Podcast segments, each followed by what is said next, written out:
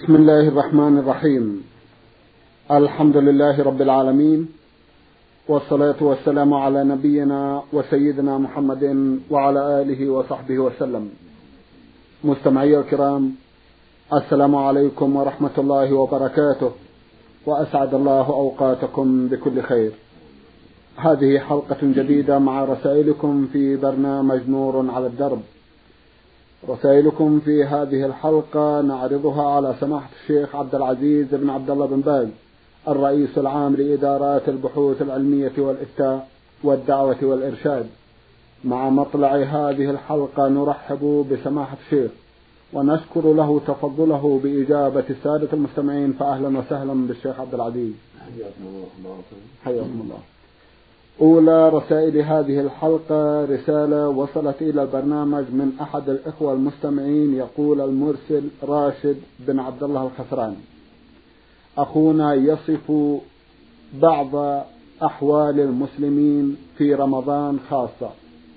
فيقول إن البعض منهم يسهر حتى منتصف الليل ثم يتناول الطعام وينام. فإذا ما أذن الفجر استيقظ وشرب ماء وربما شرب شيئا محرما واتجه إلى الصلاة. والحال كذلك بالنسبة للإفطار فهو يفطر على بعض المباحات وقد يخلطها ببعض المحرمات. ويرجو من سماحة الشيخ أن يتفضل بتنبيه المسلمين على الحال الأفضل الذي ينبغي أن يكون عليه المسلم. جزاكم الله خيرا. بسم الله الرحمن الرحيم. الحمد لله صلى الله وسلم على رسول الله وعلى آله وأصحابه ومن اهتدى بهداه. أما بعد فلا شك أن الله عز وجل لا يرضى لعباده أن يتناولوا ما حرم عليهم بل قد حرم عليهم أشياء ونهاهم عن تناولها وابح لهم أشياء وأمرهم بتناولها. فالواجب على المؤمن أن يتقي الله فيما يأتي ويذر كما يشرع له أن يتحرى الأمر المشروع في صيامه وقيامه وسائر حركاته وسكناته.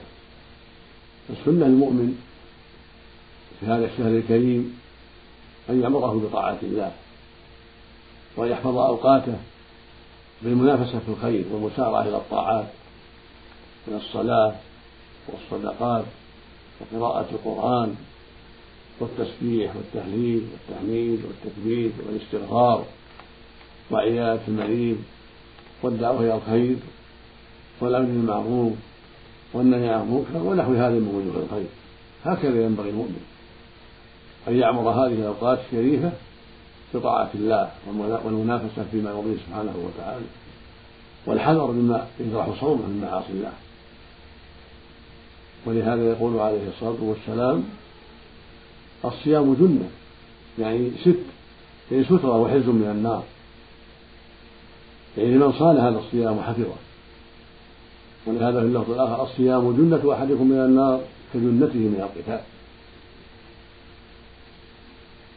الصيام جنة فإذا كان يوم صوم أحدكم فلا يرفث ولا يسخب سابه أحد من فليقل إني صائم. ويقول صلى الله عليه وسلم من لم يدع قول الزور والعمل به والجهل فليس لله حاجة في أن يدع طعامه وشرابه.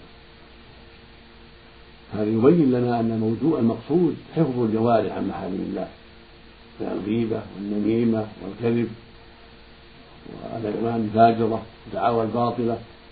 والسب والشتم وغير هذا من الأقوال الضالة. وهكذا الأفعال المحرمة من السرقة والخيانة والزنا وغير هذا مما حرم الله. فيصون جوارحه ليلا ونهارا عن كل ما حرم الله. ويستعملها في طاعة الله ورسوله. دائما دائما ولكن في هذا الشهر الكريم تكون العناية أكثر. تكون العناية بما شرع الله أكثر. ويكون الحذر مما حرم الله أكثر. ويشرع له أن يبادر بالإفطار إذا غابت الشمس. لقوله صلى الله عليه وسلم لا يزال الناس بخير ما عجل الإفطار. وقوله عليه الصلاة والسلام يقول الله عز وجل أحب عبادي إلي أجلهم بطر والسنة يفطر على مباح لا على حرام كالتمر والماء وسائر ما أباح الله والأفضل على التمر. أو الرطب يتيسر. الرطب فإن لم يتيسر فالتمر فإن لم يتيسر فالماء. وليحذر كل الحذر يفطر على ما حرم الله من المسكرات أو التدخين أو القات ليحذر ما حرم الله. فليكن فطره على ما أباح الله وما شرع من الطعام الطيب والشراب الطيب. أما إفطاره على ما حرم الله من المسكرات والمخدرات والتدخين والقات هذا شيء يجب الحذر منه. ولا يختم صيامه بهذه القاذورات وهكذا في السحور. السنة يؤخر السحور لا يتسحر في وسط الليل. السنة أن يتأخر أن يتأخر في السحور اقتداء بالنبي عليه الصلاة والسلام. فإنه كان يتسحر في آخر الليل قرب الأذان عليه الصلاة والسلام.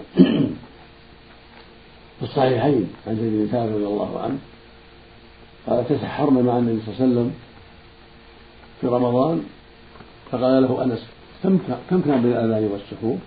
قال قدر خمسين آية وفي لفظ آخر كم كان بين السحور؟ بين السحور والصلاة قال قلب خمسين آية. والمعنى بين الأذان الذي هو دخول وقت الصلاة نعم. وبين السحور بين السحور والتسحر قدر خمسين آية. وهذا يقارب خمس دقائق أو عشر دقائق. هذا يدل على أن التأخير أفضل نعم وهو أقوى للصائم وأنشط له على العمل في النهار. فالسنة التبكير بالإفطار بعد غروب الشمس والتأخير في السحور ولهذا في بعض الروايات عن سهل رضي الله عنه في سعد لا يزال الناس بخير ما عجل الفطر وأخروا السحور. هكذا جاء مرفوعا عن النبي صلى الله عليه وسلم.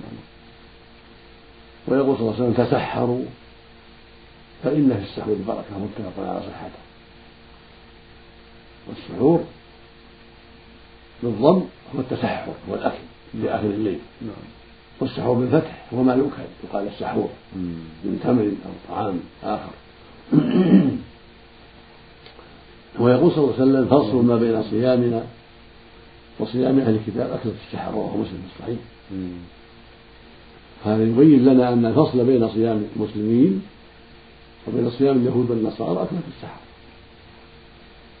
هذا معنى أن ترك ذلك يكون يكون في مشابهة لليهود والنصارى. فالذي يأكل السحور في وسط الليل. خالف السنة وشابه أهل الكتاب. المؤمن لا يليق به ذلك. الواجب عليه أن يتحرى ما شرعه الله وما كان عليه رسول الله عليه الصلاة والسلام في كل شيء. وأن يبتعد عما يخالف ذلك. ثم نومه بعد ذلك قد يكون وسيلة إلى نومه عن الصلاة صلاة الفجر. ثم إذا قام عند الأذان قد يأكل بعد السحر بعد الأذان أو يشرب بعد الأذان. فيعرض صومه للبطلان يعني قد يكون صومه بعدما طلع الفجر فيكون صومه باطلا. فالواجب أن يحذر وأن يكون أكله قبل طلوع الفجر. ولا يتساهل في هذه الأمور. والصواب أن من أكل بعد الفجر ثم ثم بان له أنه أكل في النهار أنه يقضي. هذا هو المعتمد وهذا هو الأرجح. وهكذا لو أفطر قبل غروب الشمس ثم عرف أنه أفطر قبل غروب الشمس عليه يقضي. لكونه أفطر جزءا من النهار بغير حق.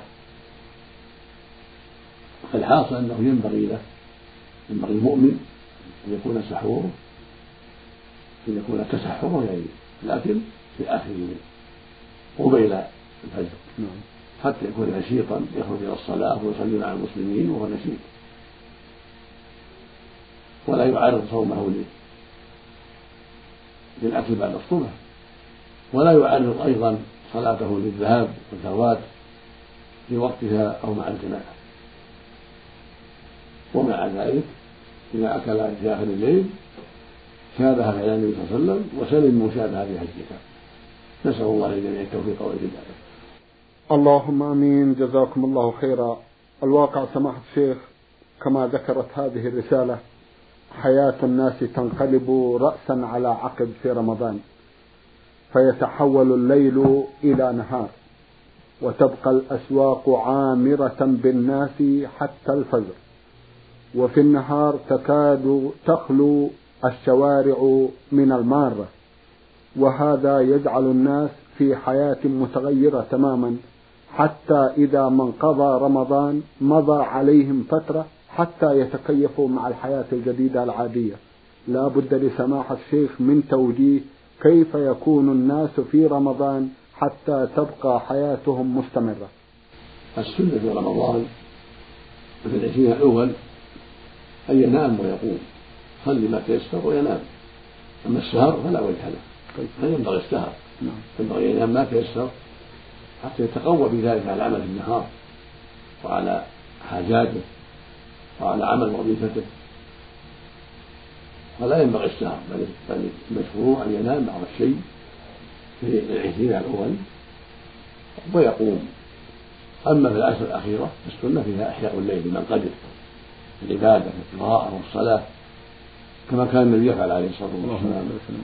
قالت عائشة رضي الله عنها كان النبي صلى الله عليه وسلم إذا دخل العشر شد مئزره وأحيا الليلة وأيقظ عنه شد مئزره يشمر نعم. من العبادة. نعم. هذا هو الأفضل في العشر الأخيرة. إحياء الليل بالعبادة بالقراءة بالصلاة بالذكر. أما العشرون الأول فالسنة فيها أن ينام ويقوم كفى للنبي عليه الصلاة والسلام. وبهذا تصلح الأمور. وبهذا ينشط المؤمن على العمل في النهار وتكون حياته شبيهة بحياته الأولى. نعم. بخلاف إذا سهر في الليل فإنه إذا كان في النهار سقط. نعم. الغالب لأن الإنسان ضعيف يحتاج إلى النوم كما قال الله عز وجل وخلق الإنسان ضعيف. والله المستعان. نعم. جزاكم الله خيرا. فيما يخص دور التعليم والأعمال والوظائف سماحة الشيخ.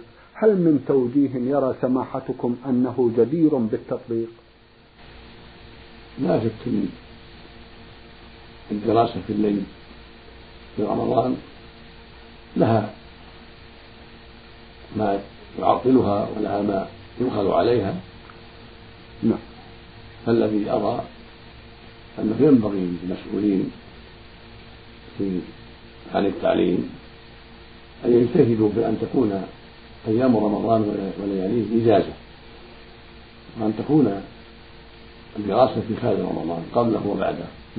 وأن يكون هذا الشهر الكريم شهر إجازة للطلبة والمدرسين. حتى لا يشق عليهم العمل إما بالسهر في الليل وإما بالتعب في النهار.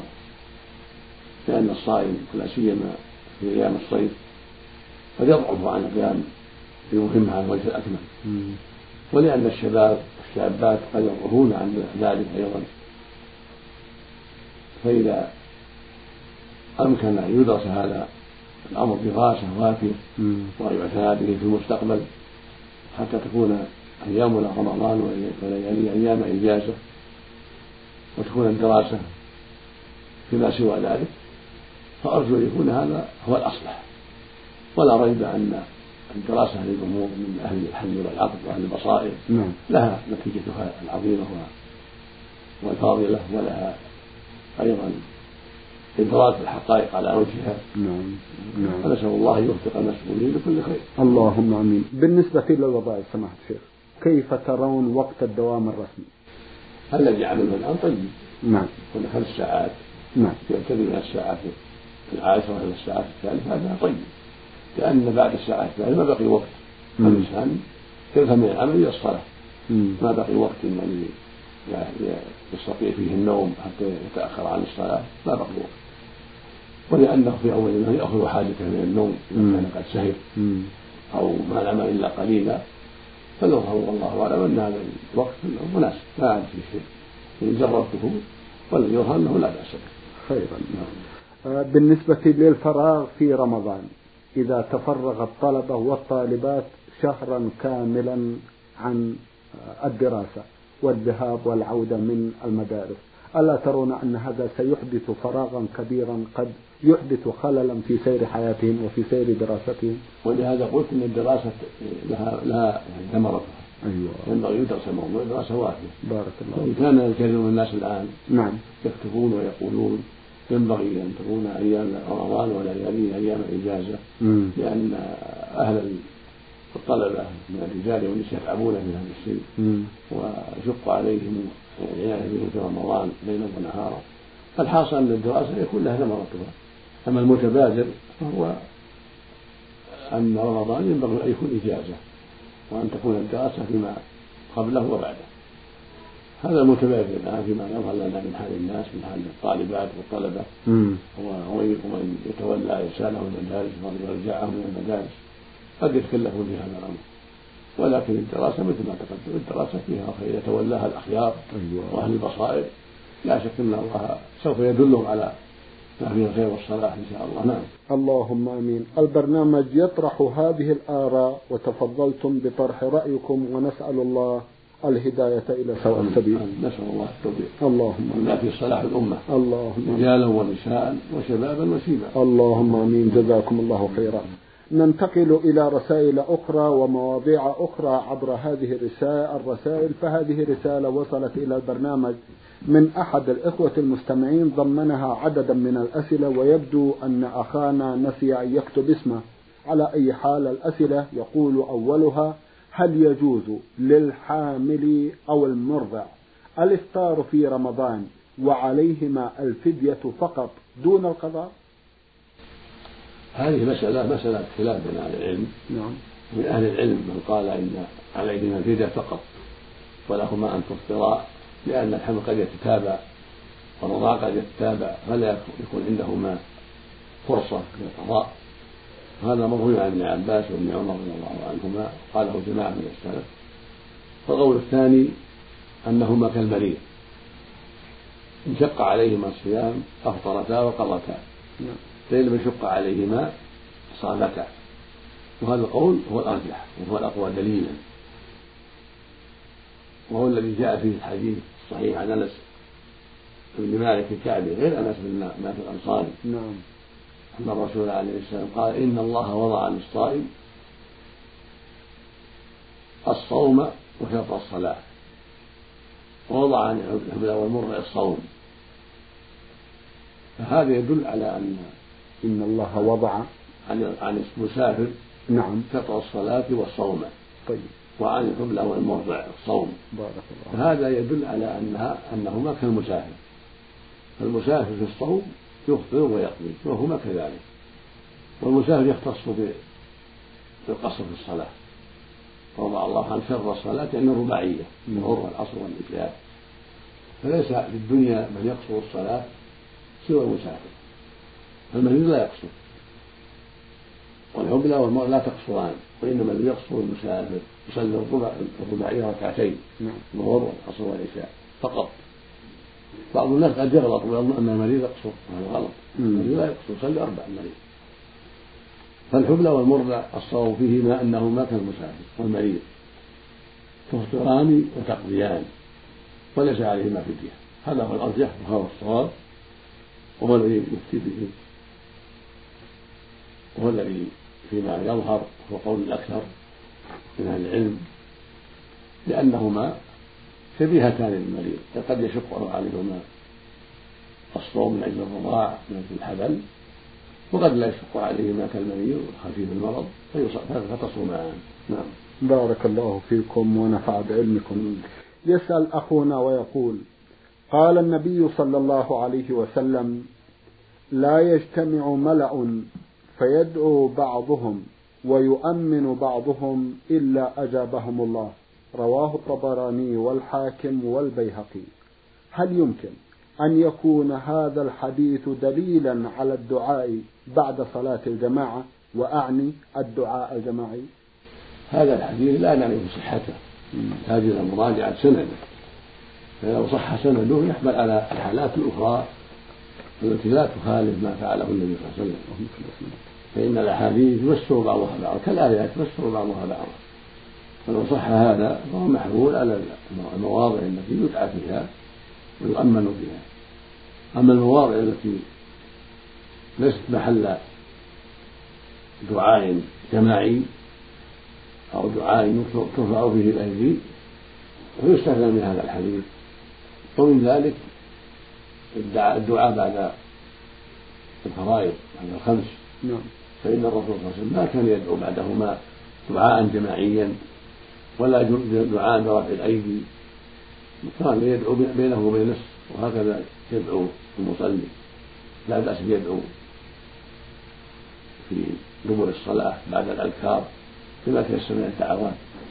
لكن ليس دعاء جماعيا وليس دعاء ترفع فيه الأيدي لأن هذا لم يحفظ عن النبي صلى الله عليه وسلم في الفضائل لا في الظهر ولا في العصر ولا في المغرب ولا في العشاء ولا في الفجر ولو كان وقع منه صلى الله عليه وسلم أو من الخلفاء الراشدين لنقل لأن الصحابة نقلوا كل شيء رضي الله عنهم وارضاهم ما تركوا شيئا بل قد نقلوا عن نبيهم صلى الله عليه وسلم كل ما شاهدوه وكل ما سمعوه رضي الله عنهم وارضاهم مما ينفع المسلمين نعم. فلو صح هذا الخبر فهو يحمل على أحوال لا تخالف ما ثبت عن الرسول في الأحاديث الصحيحة. أيوه بارك الله فيكم. يسأل أخونا سؤاله الأخير ويقول: هل للمسجد الحرام والمسجد النبوي خاصية بمرور الناس أمام المصلي اضطرارا ودفعا للحرج؟ هذا المسجد الحرام في المسجد الحرام أنه لا تقطع فيه الصلاة وأن من مر بين يدي أخيه لا يمر فلا يمنع النار ولا يقطع النار الصلاة في المسجد الحرام لأنه مظنة الزحمة ومشقة الدفع والحاجة ماسة إلى المرور بين يدي المصلين في المطاف وغير المطاف. فالصواب في ذلك أن المصلي في الحرام لا يمنع ولو مر بين يديه امرأة لم تقطع صلاته لأن الرسول صلى الله عليه وسلم لم يحفظ عنه في هذا شيء أنه يمنع المار أو أنها تقطع الصلاة فيه بل جاء عنه في بعض الأحاديث وإن كان فيها ضعف أنه لا ما كان يمنع المار في المسجد الحرام وأنه كان يصلي والناس يمرون بين يديه. لكن في حديثه ضعف. وثبت عن بعض الصحابة كابن الزبير أنه كان يصلي والناس يمرون بين يديه. ولأن المسجد الحرام مظنة الزحام ولا سيما في أيام الحج وأيام العمرة في رمضان قد يصعب رد النار والتحرز من النار وتلحق بقية أيامه بذلك أما المسجد النبوي فلم يرد فيه ما ورد في المسجد الحرام. بل ثبت عن أبي سعيد رضي الله عنه كان يصلي المسجد النبوي فاراد أحد ان يمر بين يديه فمنعه فاشتكاه النار إلى مروان فدعا أبا سعيد فسأل فاخبره أبو سعيد عن النبي صلى الله عليه وسلم قال إذا صلى أحدكم إذا تيسر من الناس فاراد احد يجاز بين يديه فليجمعه فإن ابى يقاتل فإنه الشيطان فأبو سعيد رأى أن مسجد النبي صلى الله عليه وسلم مثل غيره يمنع النار فيه. وهذا والله أعلم عند إمكان ذلك. أيوة. أما إذا كانت الزحمة إذا كانت الزحمة الشديدة نعم. فإنه في هذه الحال يلحق بالمسجد الحرام طيب. وهكذا في أي مكان يكون فيه يكون فيه زحمة شديدة لا يمنع النار في هذه للضرورة في أي مكان طيب. فإذا ازدحم الناس في أي مكان واحتاج المصلي إلى يصلي فريضته أو الراتبة فإن النار لا يقهر في هذه الحالة ولا يمنع لعدم إمكان منع المار والتخلص والتحرز منه. قد قال الله جل وعلا في كتابه العظيم وقد فصل لكم ما حرم عليكم إلا ما اضطررتم إليه. الضرورات لها أحكامها. وهذا منها والله أعلم. جزاكم الله خيرا. يشيع عند عامة الناس سماحة الشيخ أن الذي يمر بين يدي المصلي أن صلاة المصلي تعتبر باطلة والحالة هذه. هل هذا الاعتقاد صحيح؟ هذا في التفصيل. أيوة. إن كان معه امرأة أو حمارا أو كلبا أسود قطع. قطع. كما ثبت في الحديث الصحيح من حديث أبي ذر وحديث أبي هريرة وابن عباس. أما إن كان المار غير غير هذه الثلاث فإنه لا يقطع. لكن ينقص. إذا أمكن رده ينقص الصلاة. نعم. نعم. أما إذا ما أمكن رده وغلب المصلي فالإثم عليه لا على المصلي. بارك الله فيكم. وهذا في غير المسجد الحرام. كما تقدم. بارك الله نعم. جزاكم وفي غير المواضع الزحمة حيلة فيها. نعم. نعم, نعم.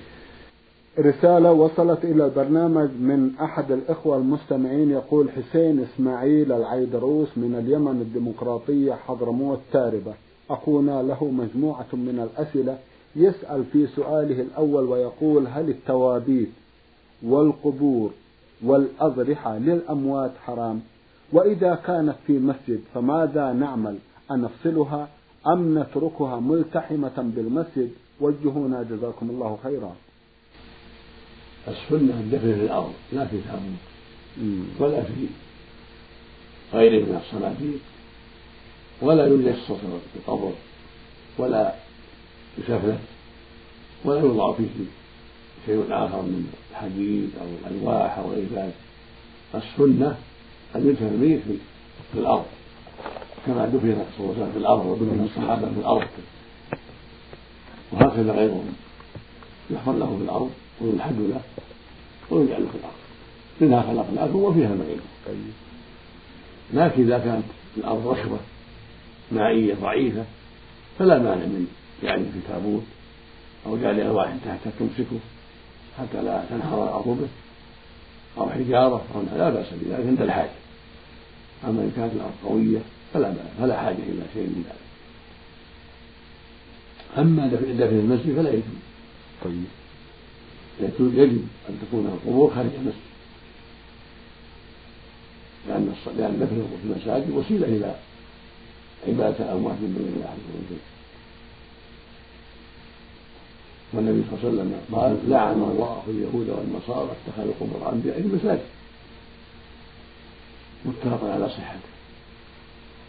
وقال عليه الصلاة والسلام ألا وإن ألا وإن من كان قبلكم كانوا يتخذون قبور أنبيائهم وصالحيهم مساجد. ألا فلا تتخذوا مساجد؟ فإني أنهاكم عن ذلك. فهو مسلم في الصحيح عن جند بن عبد الله البين رضي الله عنه. فيدل على أنه لا يجوز اتخاذ القبور مساجد يصلى فيها. نعم. وإذا كان الأمر هكذا لم يجوز أيضا الدفن فيها. طيب. لأن الدفن فيها يجعل القبور مساجد وإذا وجد في المسجد قبر وجب أن ينبش وتنقل وفاته إلى المقبرة. أما إن كان القبر هو القديم وبني عليه المسجد وجب هدم المسجد. وألا يصلى فيه وألا يبقى. بل يهدم لأنه بني على معصية الله. فلا يبقى بل يجب بل تجب إزالته.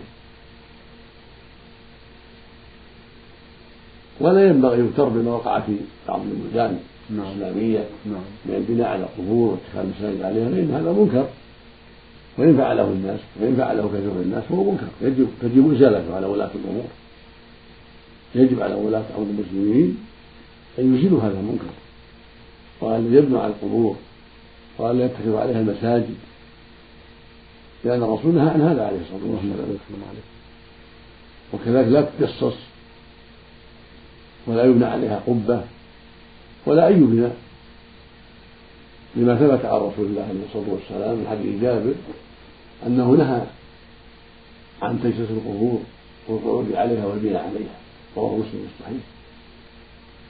فالقول لا يبنى عليه لا قبة ولا غيرها ولا يجصص ولا يتخذ عليه قبة ولا مسجد كل هذا منكر. وإن فعله بعض الناس كما قد يوجد في مصر والشام والعراق وغير ذلك كله غلط. نسأل الله أن يوفق ولاة الأمور اللهم اللهم لإزالة هذه المساجد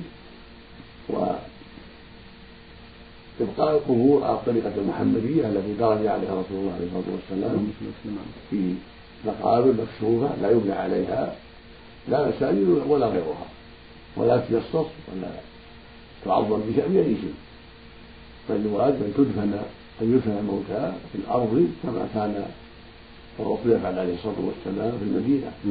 وكما فعله المسلمون بعده. والبناء عليها هذا القباب وسيلة إلى عبادتها من دون الله وسؤالها والاستغاثة بها والنذر لها والذبح لها وهذا هو الشرك الأكبر. كما قد وقع. وقد يطاف بالقبور إذا وضعت في المساجد. كما قد يفعل ذلك كثير من الناس في قبور معروفة. وبسبب هذا الغلو وقع الشرك في الناس. لما بني على القبور وعظمت ظن العامة أنها تدعى من دون الله وأنه يستغاث بها وأنه يطاف بها ففعل فوقع الشرك الأكبر. والعياذ بالله. جزاكم الله خيرا. نسأل الله للجميع العافية والهداية. نعم. اللهم آمين. سماحة الشيخ في الختام أتوجه لكم بالشكر الجزيل بعد شكر الله سبحانه وتعالى على تفضلكم بإجابة السادة المستمعين وآمل أن يتجدد اللقاء وأنتم على خير. اللهم مستمعي الكرام كان لقاؤنا في هذه الحلقة مع سماحة الشيخ عبد العزيز بن عبد الله بن باز الرئيس العام لإدارات البحوث العلمية والإفتاء والدعوة والإرشاد. شكرا لمتابعتكم وإلى الملتقى وسلام الله عليكم ورحمته وبركاته.